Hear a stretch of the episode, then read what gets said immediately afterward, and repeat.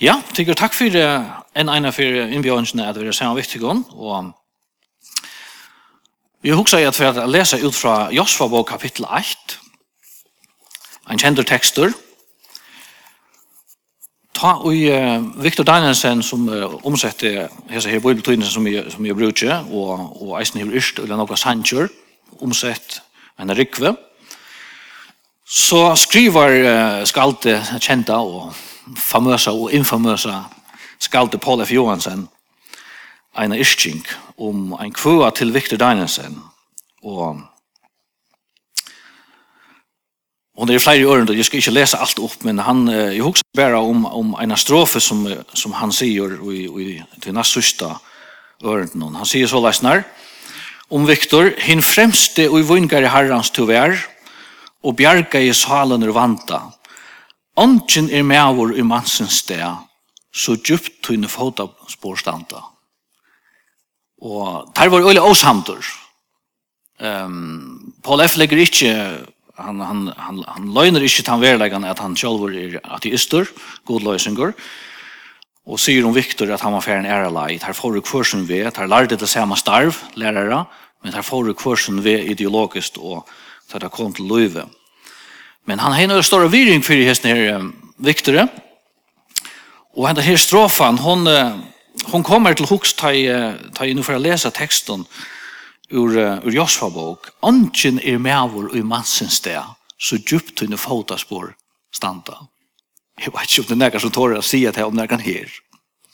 Anchen är med eller kvinna, och i mansens där så djupt i fotaspår stanta. Som vi har haft sina tjänast i eisen i samkommet løyve, og i skukkanon av en øren og større. Og det var kanskje vi øyla torrførst at litta arvon at han var en annan. Og det kan godt være som tykker hokse om å flyta ur, jeg skal ikke spyrja nær, men å flyta ur skolan og om han er bygningsjon, når nå ikke løyvdina, at tykker hokse, her får det være rokeringar og imenskonslega, her får det være nødja tjenester som tegas seg opp. Det var et høve til å ta støve til hvordan man nå gjør tingene ørvise et eller på samme måte. Hvor skal jeg gå oppert? Hvor skal være han som gonger undan? Og det kan være at omkring tid og merker at her kattle fra gode, og du ser en tørv, du ser en tjeneste måleika men du føler jeg klarer ikke litt jeg ser oppgavene. Jeg kommer alltid at tjene og leve i skuggan av en som er ferdig fra man undan, Og jeg er slett ikke kunne medast vi, vi kommande. Men det er her som teksten han handlar om at hava dirve til nutja tøyer og til nutja tænastor. Ja, det kan godt være at onkur mæver eller kvinne er ferdig undan til å gjøre tænast hver to føler. Er, er det han lytla? Er det han her? Men Herren han sier ved Josva som nu skal teka oppgaven at han har Moses, du skal være djarvor. Hvor skal han være til? Det er for å grikke etter. Så det er det å lese denne teksten sammen. Josva, kapittel 1, og vers 1. Etter at tjener i Herrens Moses var deier, sier Herren ved Josva sonen tjener Moses er. Moses tjener min er deier. Gjer te tøyne ut reier og fer om jordan her vi øtlen her som folkje inn i landet som jeg har givet heimen og kjøsmånen. Kvart sted og til sette foten og angjev i tikkun, som vi lova i Moses. Fra øyemørskene og Libanon her nårere, lykke at ståra, åndefrat, om alt land til titta, og lykke at ståra hevet i vestre, skal landtikkara noa. Ongen skal kunne standa seg imot det her, så langt som til livur. Som er vær vi Moses skal levera vitt her. Jeg skal ikke slippe til her, og ikke føre fra til her. Vær horester og stersker. Du, du skal skifta og i arv middelen hetta folk, landet, og i evig ei hava lova fetun harra at djeva taimum. er du bært heilt horester og stersker. Så du legger der eina vi at gjere etter allar i lovene i Moses tænare moin lærte til. Vik ikkje fra henne, kvarskje til høgri etla vinstre, så, kanst, så, kan, så du kanst hava etnina vitt her i ötlån som du først under at gjøre. Henda lovbog må ikkje vujtja ur munnetøynum. Nei, du skal grunta av henne det og nått, så du aktar vel etter at gjøre etter ötlån tøy som i henne stendet skriva. Ta skal gangast her vel av ötlån leien tøynum, og ta skal du ha framgångt. Jeg har ikke sagt vittig at du skal være horester og sterskur, ikke missa måte og ikke reast, Tøy Herren god tøyn er vitt her og i ødlun som du først under at gjerra. Så her er vi hendan her luttla mannen. Kanskje ikke vokstre, jeg vet ikke hvordan hur han er veri. Men luttla mannen, tøy at uh, hva stendur om han? Josva, han er tænare kvars. Josva er tænare Moses er ikke sånn. Moses, hvers tænare er han? Nu sørst du kontrasten. Moses er tænare herrens. La det ikke merke til det. Augustus er tverfner i hesen teksten, og eisne seitene i hesen bogene. Ta og Moses vil omtale over, så er Moses alltid tænare herrens. Her er han store med over. Her er kjempan som god sier vi, to skal være at han som leier tralka jeg folk ut ur Egyptalandet og inn i landet her som god tarra bor og her som fralse er. Tu skal være at han som teker bare til atsunnaverlige, til politiske og ikke minst til logistiske arbeidene, at før dette folket ur traldomme og i djøgnen øyemørsk og inn i landet. Og Moses gjør det. Han leide det helt at marsjen. Så her er meavur som hever en veldig stor skugga. En meavur som fyller nok og i middel om Guds folk. Og nå er han færre. Han er deir. Og så kommer året til Josva. Josva, nå er det to. Moses, tænare moin, Det er mest det Herren sier, Moses, tænare moin, er deir. Og nå skal du gjøre det til. Og herren sier vi igjen, du skal være djervor. Hvor skal han være djervor? Hva er det som han kan bytja så dyr vi av? Og det er det som måtte lytte etter. Og jeg halte det gos utsi gos ser en fyra grunter i hesson teksten om til at Josva skal være djervor. For det første, og dette er så grunnleggende viktig, for jeg kunne ødel og i alle tjeneste, eisende for tykene og løvdene. Det første og mest grunnleggende er dette, Herren til Herren som kallar det.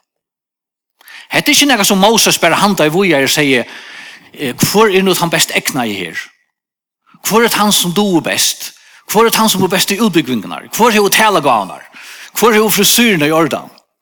Hva er det for hva er kriterier? Det første og mest grunnleggende er dette. Herren er han som kattler til. Han legger til av hjertet. Og her kommer beinleis kall fra gode til Josfa Gjer til reier og fær. Hattar er kattle. Mersi du hattar innan ui. Mersi du hattar her. Hessa røtten innan ui som, som er herrans rødd, som er andans rødd, som sier Hei, du hoksa om hessa tænastene. Du skal være djarver til at jeg kattle til. Du skal være djarv til at jeg bygge til færre. Et som er avhåverst å legge mest til i samband med Joshua, det er at han er en meavur som framan undan hver veri i tænaste hatt er eisne ein tujande sannleidje og i mittlom gods folk og i gods rytj. Han som er i tjeneste er han som vil kalla over til at halda av fram.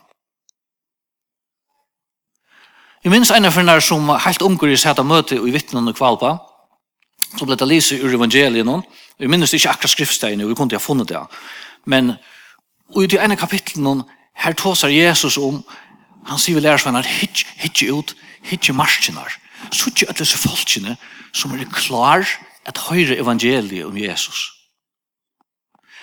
Bygge god skorarens, eller harra skorarens, om at senda ut arbeidsmenn.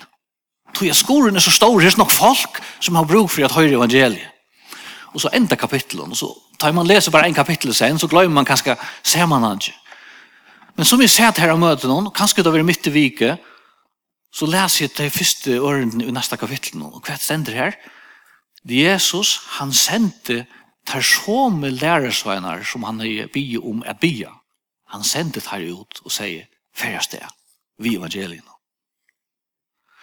Tar var langt aktiver i en tjeneste som var bønner tjenesten, og så var det sender at tjene herren. Tykker så løsner er det. Vi kvarst hoksugur, jeg skal gjøre noe stort, mye tjeneste, hun skal suttjast. Jeg skal høyrast. Men Herren, han byrja vi kun her som åker er. Og han gjev okkur møvleik til at tænast. Og flere finnar les okkur om Josva, at han til dømes hei gynnsi Moses til handa. Fra tog han var ungur stendur, og i fjore Mosebok kapittel 11. Og flere finnar stendur at han er tænare Mosesar. Han var vi, ta i god gav Moses lovena til en sånn person i kattel kjemur. Så let deg hava til i hoa at tjeneste byrjar i smavun. Og så kan det være at Herren sier, færast det, jeg kattel det til nega anna, og til nega som kanskje kan sutja størst i menneske eion. Men du var tro først og fyrst. Tykker Jesus, han sier jo sina lærersveinar, jeg sender tykkene ut. Jeg gjør öll folk til lærersveinar. Og hatt det samme bøye er eisne galdat for åker som er her i det. Herren har kattlet til og med at færre ut, at fortelle søvn om Jesus, og at mennesker kunne komme kjenne god, være fyrtjøven, og være elsket av hånden til evigere tøyer, og gjøre det som Jesus har gjort. Og hos året lærer dere eisne at god har givet, og en imenskar nøye gav. Her som to sitter, to personer, to hur finns det nöje gav för herren att tjäna vi. Han kallar det till att bruka det här. Eisen är samkomna här. Så lär det gå vara gör vi och att tjänas för herren. Det är herren som kallar det. Och det är han som har givet kan evner och gav till att tjäna vi. Och så tar nästa. Herren säger vi eh, vi Josva, jag ska vara vittär. Jag ska vara vittär. Vi kvarst mest märker det Kanskje ta i og oppvøkstre at foreldrene tar røyne opp mot til at jeg går arbeid av imenskom. Ja, men tog du det her, fer tog bare holdt vi at det her, og føler akkurat som jeg dora kjører det her, jeg tror ikke det her, ja. Kanskje du ikke kommer vi mer, ja? Kjenner det fra bøttene, de toa og foreldrene, kom til vi, jeg vil ikke hodla for ensamvattler. Herren sier, jeg skal være vitt her. Som jeg vær vi Moses, så skal jeg være vitt her. Prøv å lytte atter at det tjeneste som du vil i sammen ved Moses, under hans her autoritet. Sutt hvordan trofaster herre nå være. Jeg skal være vitt her, og på samme måte, og i tøynere tjeneste som er vær ved Moses. Jeg skal ikke slippe det her, og jeg skal ikke føre fra det her, sier han. Vi er horester og stersker, til herren godtøyn er vitt her, og i øtlån som du først undrer gjøre og ødlom til sjående i forhold til det kattel som han er finner. Det er ikke um, vad ska man säga, att vinna i lotto och sådana. Så här, nu har du ju mer en sort blankt kors till att färra och vinna i lotto och du ska, jag ska vara ett och vi i ötlån. Nej, det som kallt ut handlar om, här ska Herren vara vi och han ska signa till. Jesus, han säger sina lärsvänner, är, är, skal være vittikon, atlar dier, lyka til vera enda. Så som tigger fer inn og en nødja tog, som samkomma og kanskje eisen som einsteglingar, så sier Herren, jeg kallar det. Og så sier han, jeg skal være vittig Så vi er djervor.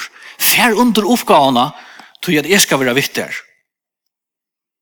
Jesus han sier, Jeg skal be av herren, og han skal djeva en annan talsmann, som skal være tja tikkun atlar eivr. Og til han samme talsmannen, han samme anden, som djever okon kraft og idé til å være vittne Jesus her.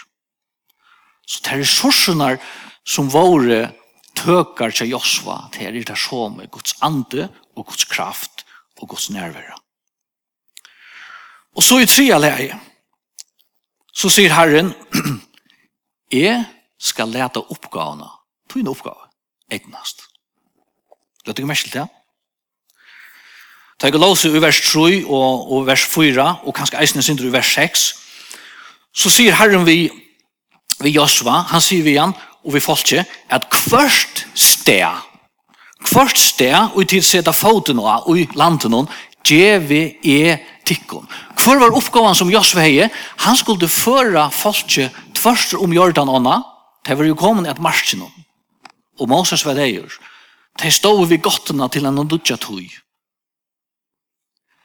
Og Herren sier, du skal leie folk inn. Jeg kattler til det.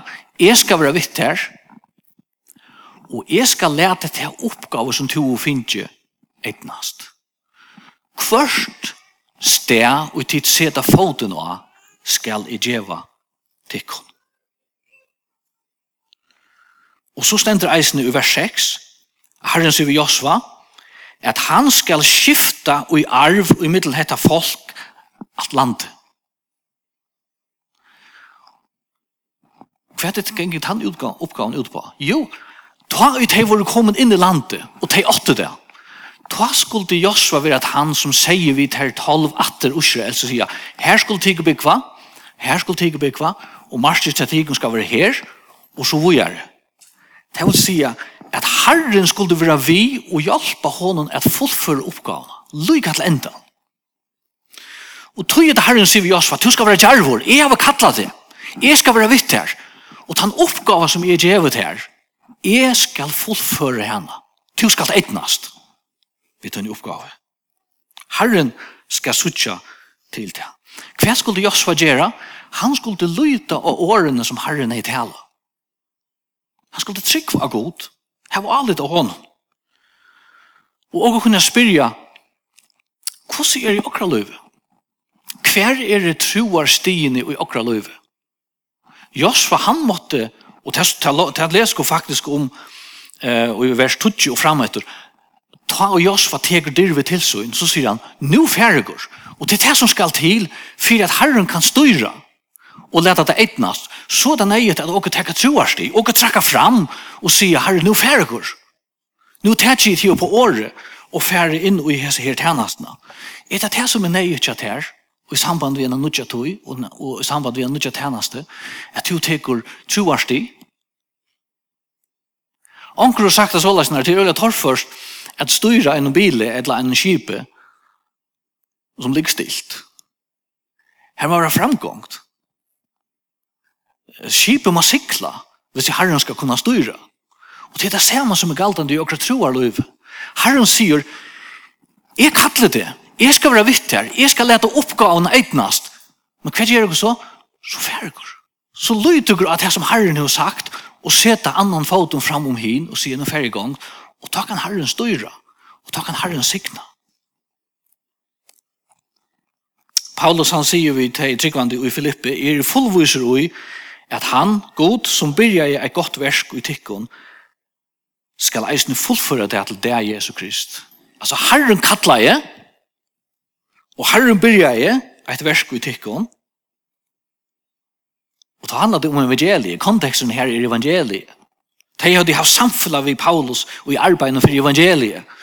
Og i tog sambanden sier han at det er god som byrja eit versk i tikkun, og han skal fullføre det til det Jesu Krist, altså ta Jesus kjemur.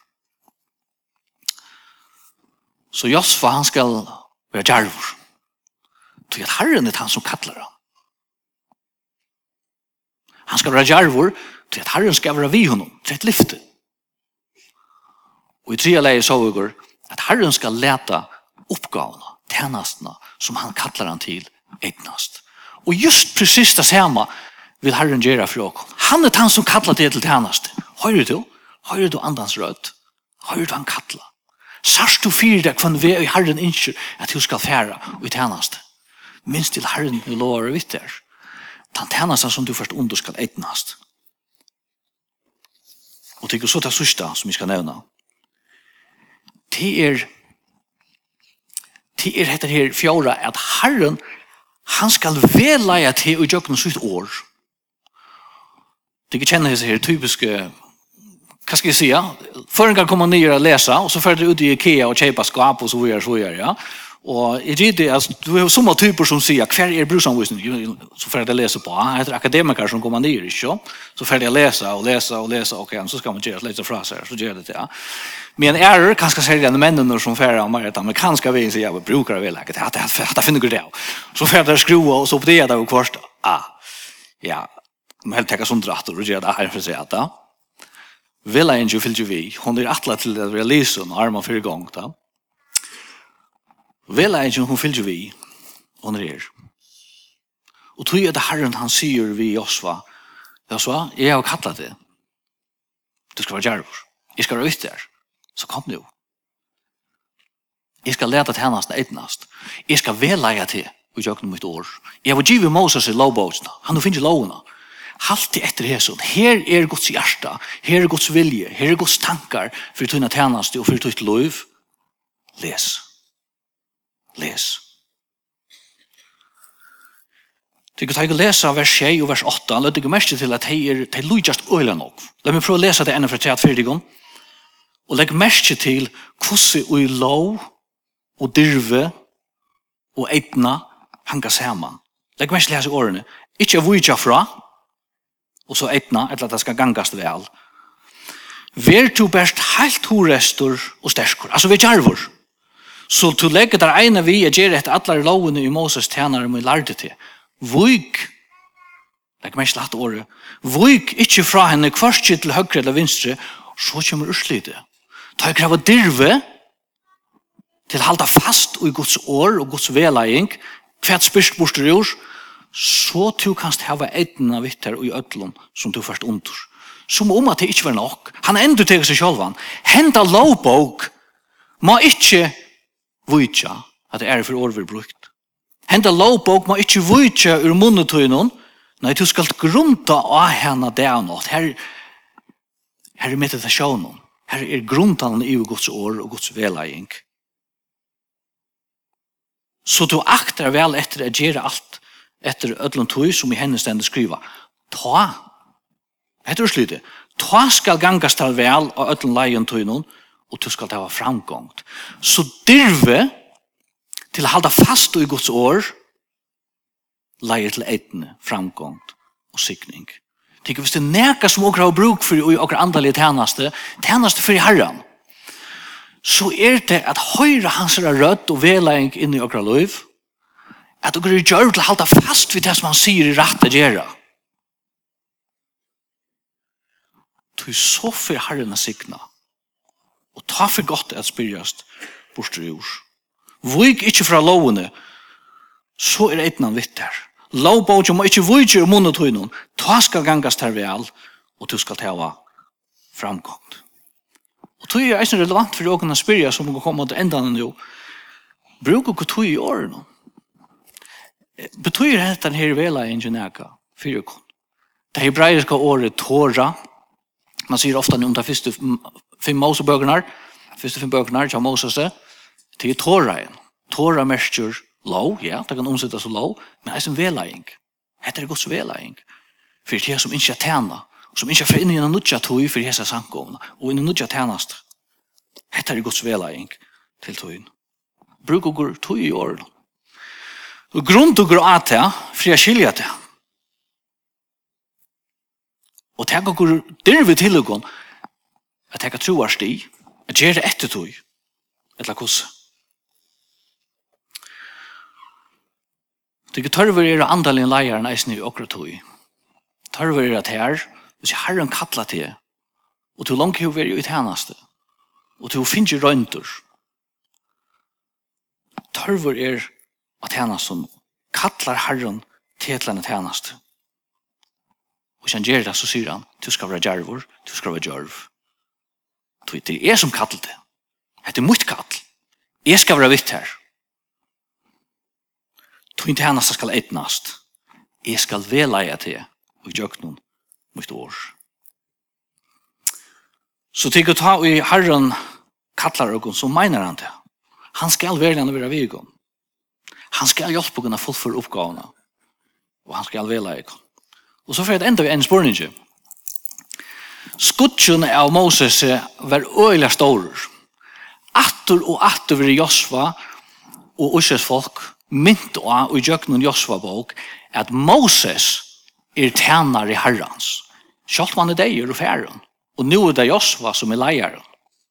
Atter og atter, hver jeg for navnet vil nevnt, så å si, så vil det sagt, Moses tjener i herrens, eller Moses tjener i moin, sier herren. Hvordan var det at livet i skuggene av en så stor mann som var ferden fra undan?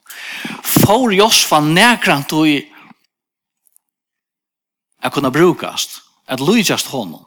For han ser at tjenast at eitnast. Kan ni spyrja deg en spurning? Vil Josfa nekrant og ropte for tjener i herrens? alltså en spurning, ja. Altså, andra kvar sier du ja eller og hitt hit er rätt og hit skreft. kom let det bli på sista kapitlene i Josva bok Josva kapittel 24 og vers 22. her stender så lesnar Neka etter hetta døye Josva sonur noen, tænare herrans. Det stender her. Nega etter hetta døye Josua, sonen noen, tænare herrans, hundra og tutsjøre gammal. Det er etna hest. Han fikk samme vimele fra Guds åre som Moses i finnje. Moses var tænare herrans, og Josua var tænare Moses her. Men det kom til endan hans er tænaste. Da han er tidsi dirvi tilsyn og sagt, herre, tu kattla meg, Tu erst vimmer, tu skal leta det etnast, jeg tætju vi tunar i velaing. Så endar hans er loiv, og i utskriften hans er loiv. Josva, tænare herrans. Det er vekkert. Let ikke teka hatt av dyrve tillegån, det er kallet som herren er tillegån, du akkurat tænan skal, skal etnast, og herren skal være at han som leder henne etnast. Så herren sikker ting som sankoma, og som einsteglingar som tykker trøyna inn, og gjennom nudja tøy, og nudja tænastur en stort bøn. Herre Jesus, takk for Takk for det som du har avrika av krosset og i jøkken av kraløyv. Takk for det som du gjerst. Det kallet som du har tilgått. Det er ekta og innelått. Herre, takk for at du kallar og kunne tjene til her. Takk for at du skal være vidgående. Takk for at du skal lete dere tjenest i etnast. Takk for at du har vedlegg for andan innan ui. Og be om herre at du vil sikne hessa samkommet og i tøyene som ligger for framman, da det kommer til tjeneste, at tjena tær og menneskjon, be om herre at du kall må ljøa greit, at gjørst og øyre må høyre til, og teka dyrve til søgn, og det gjør. Herre vil ta høyre grabøn og gå bia, og Jesu navn. Amen.